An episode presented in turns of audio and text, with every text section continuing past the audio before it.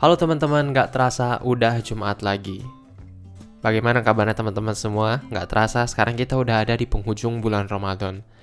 Aku sendiri merasa bulan Ramadanku ini cukup menarik karena ini adalah pertama kalinya aku berpuasa di luar negeri sebagai warga atau residen Jepang. Dan ini adalah posisi yang sangat-sangat unik karena sekarang itu udah mau bulan puasa, eh bulan puasa bulan bulan maksudnya musim panas dan ini berarti bahwa hari itu semakin panjang. Jadi kalau misalnya di Indonesia kan kita ada di Katulistiwa. Jadi sepanjang tahun kurang lebih siang dan malam kita itu jumlahnya sama. Tapi kalau misalnya kita ada di negara empat musim, di negara subtropis, itu setiap musim waktu siang dan malamnya itu berubah.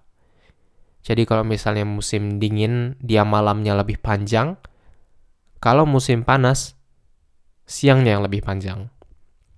Jadi kayak misalnya musim dingin kemarin itu aku bisa sholat subuh tuh jam 7 pagi itu masih bisa. Tapi sekarang aku mau sahur itu jam 4 pagi itu udah udah imsak gitu. Sedangkan pas aku mau mulai waktu aku mulai puasa kemarin imsaknya itu mendekati jam 5 pagi. Jadi udah hampir memperlambat atau hampir kayak waktunya makin lama satu jam. Atau lebih bahkan. Eh lebih deng beneran lebih. Karena itu kan baru yang yang paginya. Tapi yang malamnya juga jadi lama. Jadi tadinya misalkan maghribnya itu jam 6 sekarang udah mau jam jam 7 maghribnya.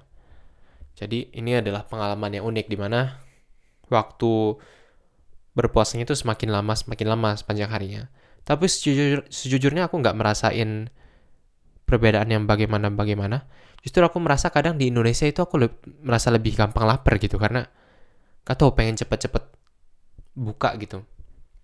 Sedangkan di sini mungkin karena aku udah nerima dari awal bahwa oke okay lah kita akan puasa waktu yang lebih lama.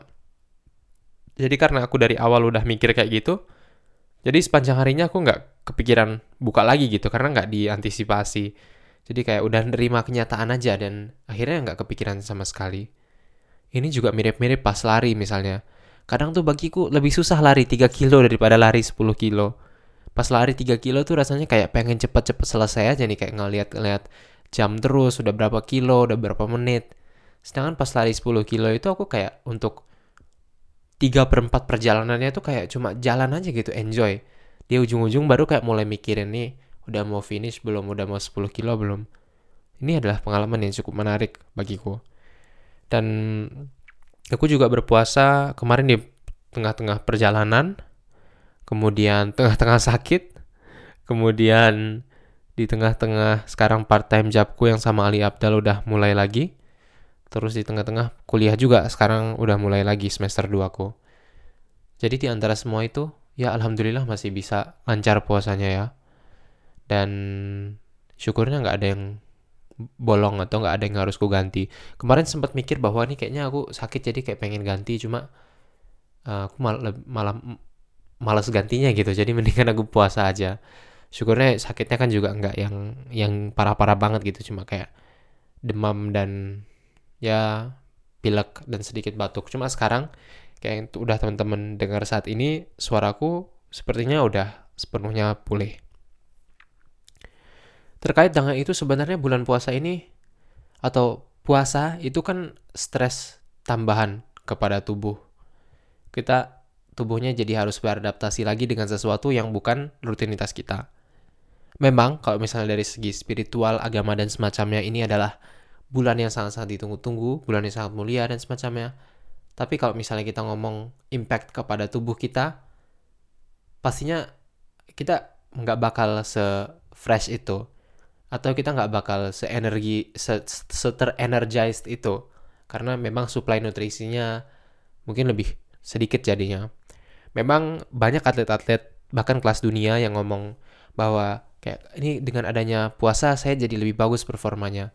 Dan ya aku rasa emang bisa seperti itu ya. Dan lagi-lagi kita semua ini adalah pencerita dan sebenarnya pengalaman kita itu positif atau negatif menguntungkan kita atau enggak itu kan tergantung sama cerita apa yang kita asosiasikan.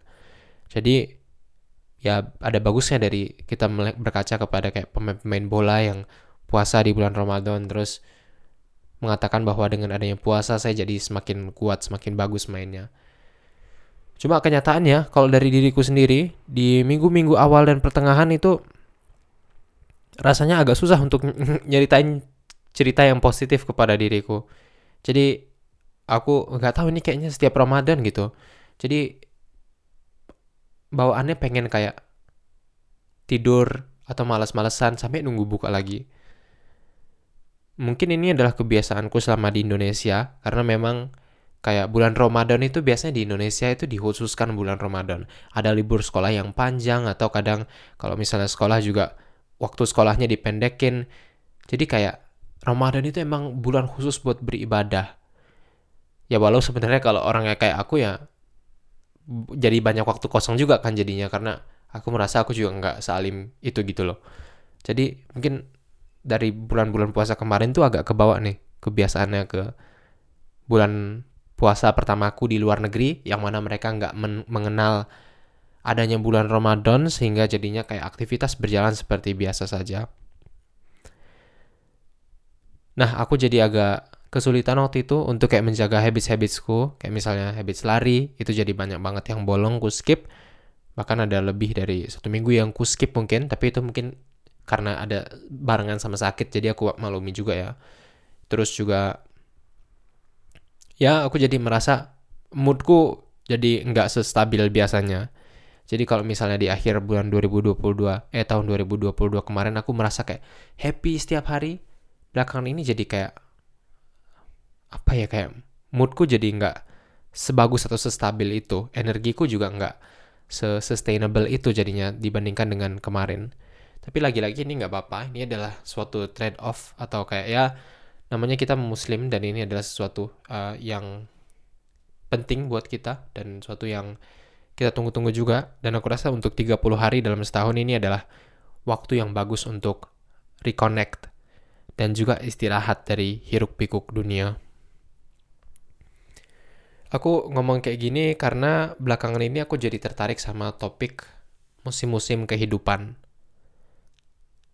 jadi, kalau dulu, aku yang dulu itu merasa bahwa misalnya kita tuh dalam suatu fase atau ada satu bulan dua bulan di mana kita merasa sangat produktif dan semacamnya, aku dulu merasa bahwa maka untuk selamanya kita akan jadi seperti itu. Itu adalah suatu state atau kondisi yang tetap yang bakal kekal seperti itu. Tapi kenyataannya nggak begitu. Kenyataannya adalah kita bakal masuk fase produktif kemudian fase itu akan selesai dan kita akan masuk fase malas-malasan dan kita fase itu akan selesai juga dan kita masuk fase produktif lagi dan nanti fase itu akan selesai dan seterusnya. Jadi dulu aku nggak tahu atau aku nggak merasa bahwa ini adalah sesuatu yang valid. Aku merasa kita kalau misalnya produktif ya produktif terus. Dan ketika aku selesai atau aku masuk fase penghujung waktu itu, jadi aku mulai malas lagi, itu aku jadi suka menyalahkan diriku jadi kayak ini males banget nih alasan doang ini itu ini itu. Padahal kenyataannya ya dalam hidup kita pasti bakal masuk fase-fase seperti itu dan ini adalah hal yang wajar. Jadi dalam kita menghadapi fase-fase ini juga pastinya kita butuh pendekatan yang berbeda. Kalau misalnya kita ada di fase produktif, itu menurutku adalah masa yang bagus untuk kita fokus di output. Kita coba kreasikan hal sebanyak mungkin. Kita ini udah saatnya lah kita untuk melakukan suatu aksi dan menjadikannya sesuatu yang nyata. Jadi pas misalnya kemarin aku lagi di masa produktifku, langsunglah aku bikin komitmen untuk upload video video YouTube sekali seminggu. Terus aku luncurkan podcast udah Jumat lagi ini. Terus aku masuk ke program untuk latihan maraton. Terus aku mulai belajar masak dan seperti itu. Aku juga mulai bikin kayak tabel review untuk kelas-kelasku. Ini pas aku ada di fase produktif tadi. Di situ aku fokus sangat kepada output dan bagaimana aku bisa mengubah apa yang tadinya kayak cuma aku bayangkan menjadi aksi yang nyata. Ini adalah waktunya untuk berkarya dan menciptakan sesuatu. Tapi habis itu aku masuk ke fase males atau kayak fase yang di mana mungkin lebih bagusnya kita panggil ini adalah fase kreatif. Jadi kita itu bakal selalu berpindah-pindah dari fase produktif ke fase kreatif, fase produktif, fase kreatif. Kita harus seperti itu. Dan kita akan seperti itu. Di fase kreatif ini adalah fase yang di mana biasanya kalau buatku itu terjadi pas udah mulai masuk libur sekolah. Jadi tiap kali udah masuk libur sekolah, itu pasti habitsku yang kemarin aku bikin selama satu semester sebelumnya tuh pada runtuh. Jadi kayak jam tidurku mulai berantakan lagi. Yang tadinya aku bisa satu jam sebelum tidur tuh nggak main HP, sekarang jadi udah buka HP kayak biasa. Terus misalnya aku sebelum atau aku kayak bangun pagi itu sambil ngeteh dan semacamnya itu baca buku, sekarang jadi kayak ngecek HP lagi atau buka laptop langsung gitu. Dan lariku yang dulu biasanya kayak nggak ada yang ke skip sama sekali, sekarang jadi kayak lebih gampang untuk nge-skip. Atau bikin video YouTube yang dulu kayak pengen banget kreatif ini itu ini itu mungkin sekarang jadi kayak asalkan ada aja gitu. Tapi di aku ini nggak apa-apa karena ini adalah fase kreatif. Di mana di fase ini, ini adalah saat saat yang sangat-sangat bagus buat kita untuk belajar, perbanyak input, perbanyak hal yang masuk ke dalam otak kita. Persiapkan kayak mesinnya gitu. Misalnya kita mau mau katakan bikin es tebu gitu.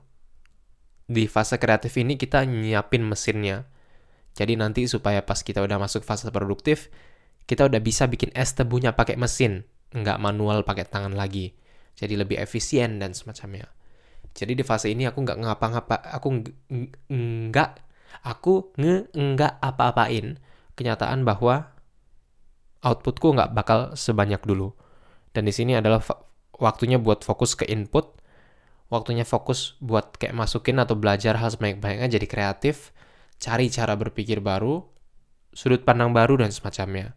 Jadi di fase ini biasanya aku lebih banyak ya mencari inspirasi gitu. Mungkin kalau dari aku kemarin, alhamdulillah bisa travel. Jadi kemarin untuk yang edisi ini itu ke India, ke Bangladesh, Brunei, dan semacamnya.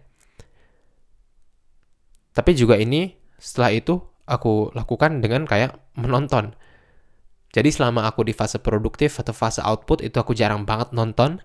Tapi sekarang karena aku di fase kreatif di mana ini adalah masa yang bagus aku rasa buat cari inspirasi, itu aku lebih banyak kayak konsumsi konten-konten gitu.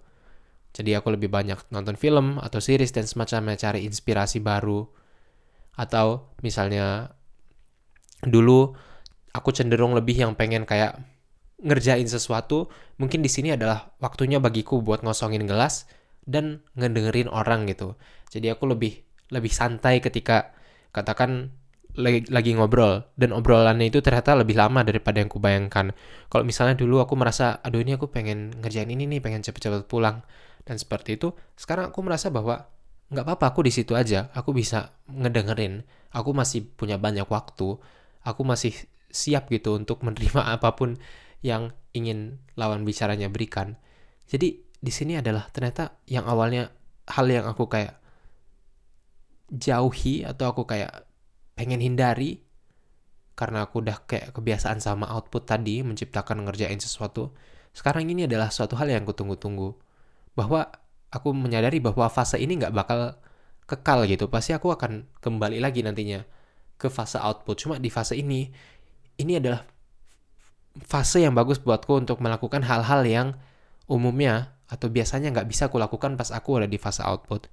Jadi aku sangat senang sekali di fase ini bisa lebih banyak mendengar atau aku kayak uh, ketemu sama teman bersosialisasi tanpa mikir bahwa aduh ini gimana ya aku mau ngerjain ini mau ngerjain itu. Dan aku merasa kayak dari fase ini aku jadi emang lebih kreatif jadinya. Jadi ketika sekarang aku merasa bahwa aku udah mulai masuk ke fase output lagi, itu aku jadi merasa udah siap atau cara berpikirku tuh udah berubah. Jadi fase produktifku atau fase outputku ini semoga juga bisa lebih efisien daripada yang sebelumnya. Karena cara pandangku atau cara kerjaku yang udah berubah tadi. Ini adalah suatu hal yang sangat-sangat luar biasa bagiku karena dulu aku karena setiap selesai fase output itu merasa bahwa aku langsung masuk fase males. Dan ketika aku masuk masuk fase males tuh aku merasa bersalah dan aku kayak menyalahkan diriku. Aduh kamu dulu yang produktif ya tapi sekarang kenapa kamu nggak bisa gitu? Jadi meskipun aku nggak ngebandingin diriku sama orang lain tapi aku ngebandingin diriku sama diriku yang kemarin gitu. Mungkin aku lupa juga bahwa ya diriku yang kemarin dan diriku yang sekarang ini garis startnya beda. Jadi nggak cuma garis start sama orang lain aja tapi sama diri sendiri juga. Jadi mungkin katakan dulu stresnya atau tekanan dalam kehidupan kita dulu mungkin lebih kurang gitu. Mungkin dulu kita ngambil 14 SKS tapi sekarang ngambilnya 18 bisa jadi itu kan tekanan tambahan. Atau juga sekarang kita mungkin konteksnya lagi bulan Ramadan kita juga ada puasa di mana ini juga adalah suatu hal yang badan kita harus beradaptasi lagi terus mungkin yang dulu katakan kita masih apa ya katakan pelajaran di sekolahnya nggak sesulit itu tapi sekarang udah kayak naik level dan semacamnya. Atau dulu misalnya tidur kita ada waktu gitu buat tidur tapi sekarang harus kepotong sahur atau harus kayak kepotong sama kelas pagi kayak gitu. Jadi ada stres-stres kayak gitu yang membuat garis start kita dan diri kita yang kemarin juga beda. Jadi kita harus menerima itu dan melakukan atau memanfaatkan akses-akses yang ada aja di, untuk titik di mana kita berada saat itu. Jadi kalau dulu memang lebih gampang buat bergerak rasanya, tapi mungkin di sini adalah saatnya yang buat kita buat coba lebih kreatif. Aku membahas ini juga karena kemarin aku ngebaca buku yang judul berjudul 4000 Weeks. Jadi 4000 Weeks ini adalah buku yang ngebahas tentang time management, tapi cara pandangnya itu beda dengan time management pada umumnya. Jadi kalau misalnya time management pada umumnya itu membahas bagaimana tiap detik, tiap menit, tiap jam kita itu bisa dimanfaatkan sebaik-baiknya dalam artian bahwa kita harus bekerja. Jadi katakan ada waktu kosong 3 jam ke depan. Itu semuanya gimana supaya kita bisa pakai buat bekerja atau menghasilkan sesuatu. Cuma kalau 4000 weeks ini cara pandangnya itu beda. Dia merasa bahwa kita nggak harus kerja terus kok. Ada saatnya buat kita bu buat kita untuk stop dan ini adalah buku yang termasuk yang kayak wah banget kalau misalnya dibaca atau pas kita baca untuk pertama kalinya. Aku sangat-sangat saranin teman-teman untuk baca ini. Kita di dunia ini, menurut buku ini, punya 4000 minggu. 4000 minggu ini terasa kayak banyak gitu ya kalau kita denger gitu aja. Cuma coba kita zoom out 4000 minggu ini mungkin sekitar 60-80an tahun aku agak lupa gitu. Tapi intinya 60-80 tahun kalau kita bandingkan dengan bermiliar-miliarnya mungkin bumi ini udah berada umurnya itu jadi kayak kita jadi kecil banget gitu. Jadi kadang kita tuh mau kerja tapi kerja buat apa? Karena nanti impact kita mungkin kita merasa dia bakal luar biasa sekali tapi pada akhirnya dia bakal jadi kayak titik aja gitu titik di di apa setetes di samudra yang luas. Mungkin ini ya terdengar agak pesimistis pada awalnya sedikit kayak depresif pada awalnya karena ya kalau gitu apa tujuan hidup gitu? Kalau misalnya ya kita kita nggak ngapa-ngapain atau kayak kita mikirin bahwa kita nggak bakal ngasih impact karena kita cuma sebentar atau setitik atau setetes saja di alam di di samudra yang luas. Tapi buku ini nggak ngomong kayak begitu gitu karena kita pada akhirnya juga punya keinginan untuk berkontribusi kan. Kita ada keinginan untuk kayak mempunyai purpose atau tujuan yang lebih besar daripada kita yang mendorong kita untuk melakukan sesuatu. Cuma mungkin yang dibilang buku ini adalah kadang kita tuh udah sekarang ini sering kali kita tuh udah offside alias kita nggak bisa lagi enjoy gitu. Kita nggak bisa bersenang bersenang-senang atau menikmati momen-momen di mana kita udah menyelesaikan tanggung jawab kita dan ini adalah waktunya buat kita enjoy uh, enjoy hari-hari atau mungkin gunakan untuk it, apa pun yang bermakna buat kita. Jadi kalau misalnya dulu kalau misalnya udah selesai kerja misalnya di zaman kapan gitu dia misalnya kerjanya adalah untuk menanam padi kalau misalnya udah selesai nanam padi ya udah gitu udah beres. Selebihnya udah.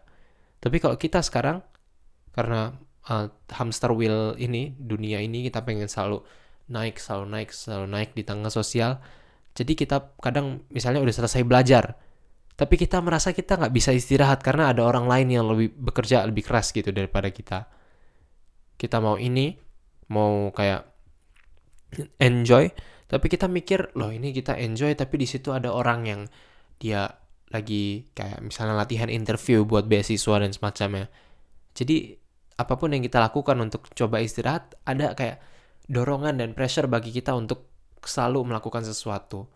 Dan inilah yang dibahas buku itu. Bagaimana kita bisa nge ngelawan atau tende ngelawan tendensi untuk kayak selalu melakukan sesuatu atau lebih tepatnya mungkin kayak ngelawan rasa bersalah ini. Jadi kita tetap ya pastinya kita tetap kerja dan manage waktu dengan baik, tapi ketika kita ada di fase istirahat, kita nggak menyalahkan diri kita untuk itu. Buku ini juga membahas bahwa kita itu nggak bisa jadi semuanya yang kita mau. Dalam artian bahwa kita harus memilih, ada suatu hal yang harus kita korbankan.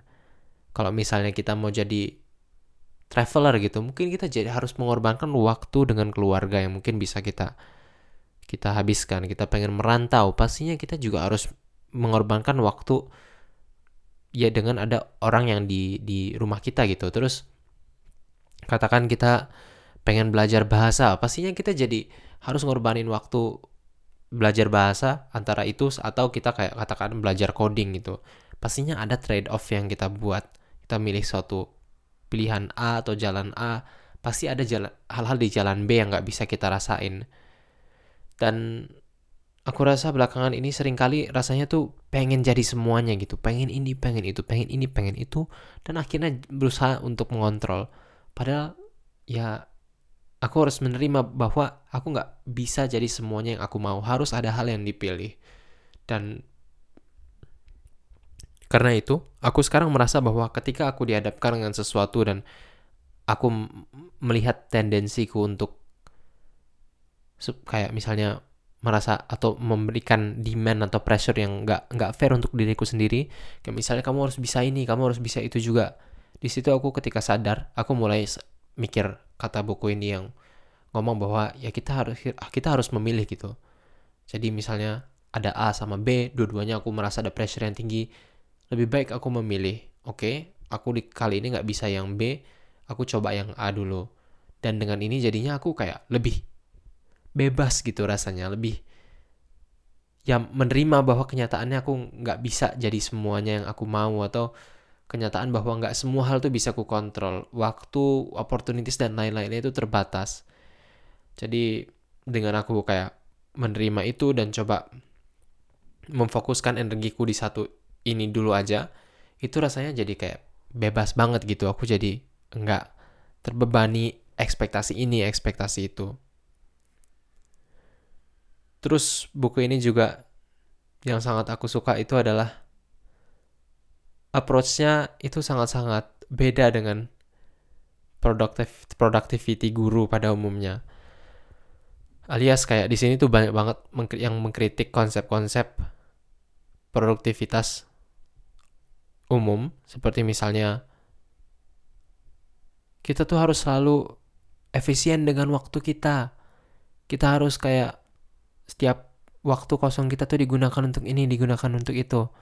Tapi buku ini kayak mereframe pertanyaannya jadi daripada kita mikir bagaimana caranya jadi efisien, kita bisa coba dulu mikir apakah demand untuk efisiensi itu fair pada awalnya. Karena bisa jadi demandnya nggak fair. Misalnya atasan kita ngasih demand atau permintaan terlalu tinggi atau kita dikasih tugas terlalu banyak di kepanitiaan. Itu juga harus atau bisa kita lihat. Jadi kita bukan semata-mata harus jadi efisien, tapi kita juga harus berpikir sumber efisiensinya ini dari mana.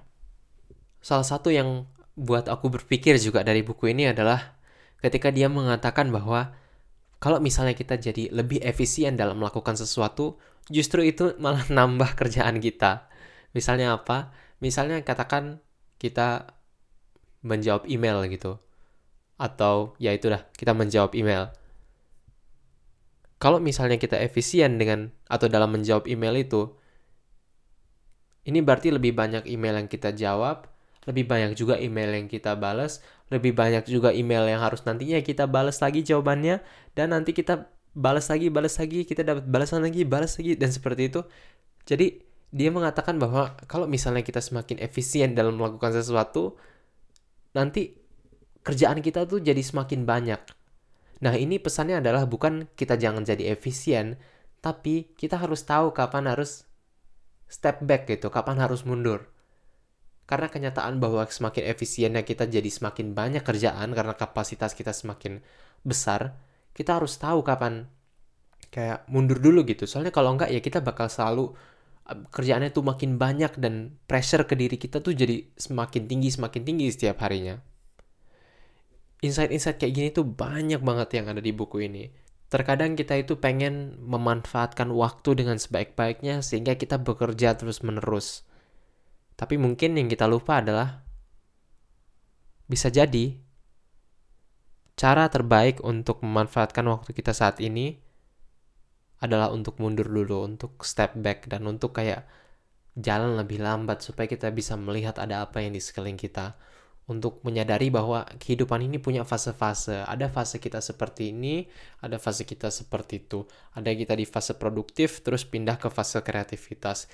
Fase output pindah ke fase input. Mungkin kita juga dalam konteks Ramadan lagi nih, mau Idul Fitri, bisa jadi kita ada di fase kayak agamis sekali, terus ada fase di mana kita kayak cuma ngejalanin yang wajib aja, terus kita merasa harus ya istirahat gitu kita bakal ada di fase-fase seperti itu. Cuma apa pun fase di mana kita berada, kita nggak bakal kekal ada di situ. Yang terpenting adalah kita selalu kayak memegang identitasnya atau kita selalu punya North Star yang sama. Jadi katakan mungkin kita mau hidup sehat, bisa jadi ini atau ini nggak harus kan kita kayak mau hidup sehat larinya lanjut terus gitu bisa jadi mungkin di suatu fase itu dalam bentuk lari terus mungkin ada saatnya di mana berhubung kita bukan atlet profesional gitu juga ada mungkin saat di mana kita ini adalah yang terbaik buat kita untuk kayak mundur dulu istirahat dulu supaya kita bisa refresh dan masuk fase kreatif dan mungkin nanti pas kita jadinya balik ke lari lagi itu jadi lebih tahu gimana caranya menavigasi space atau disiplin itu dengan lebih baik. Terima kasih teman-teman sudah mendengarkan. Udah Jumat lagi episode kali ini. Selamat Idul Fitri untuk teman-teman semua. Kali ini aku Idul Fitrinya di Jepang karena udah mulai kuliah lagi, jadi nggak nggak bisa pulang ke Indonesia. Jadi aku kemarin ke Indonesia, cuma ya sayang sekali ya. Mungkin di tahun ini belum dapat di bulan atau di hari raya Idul Fitri pulang kampungnya. Semoga teman-teman menghadapi atau mendapatkan atau merasakan atau sedang melewati hari yang luar biasa, semangat mengarungi fase-fase kehidupan. Sampai berjumpa pada episode berikutnya.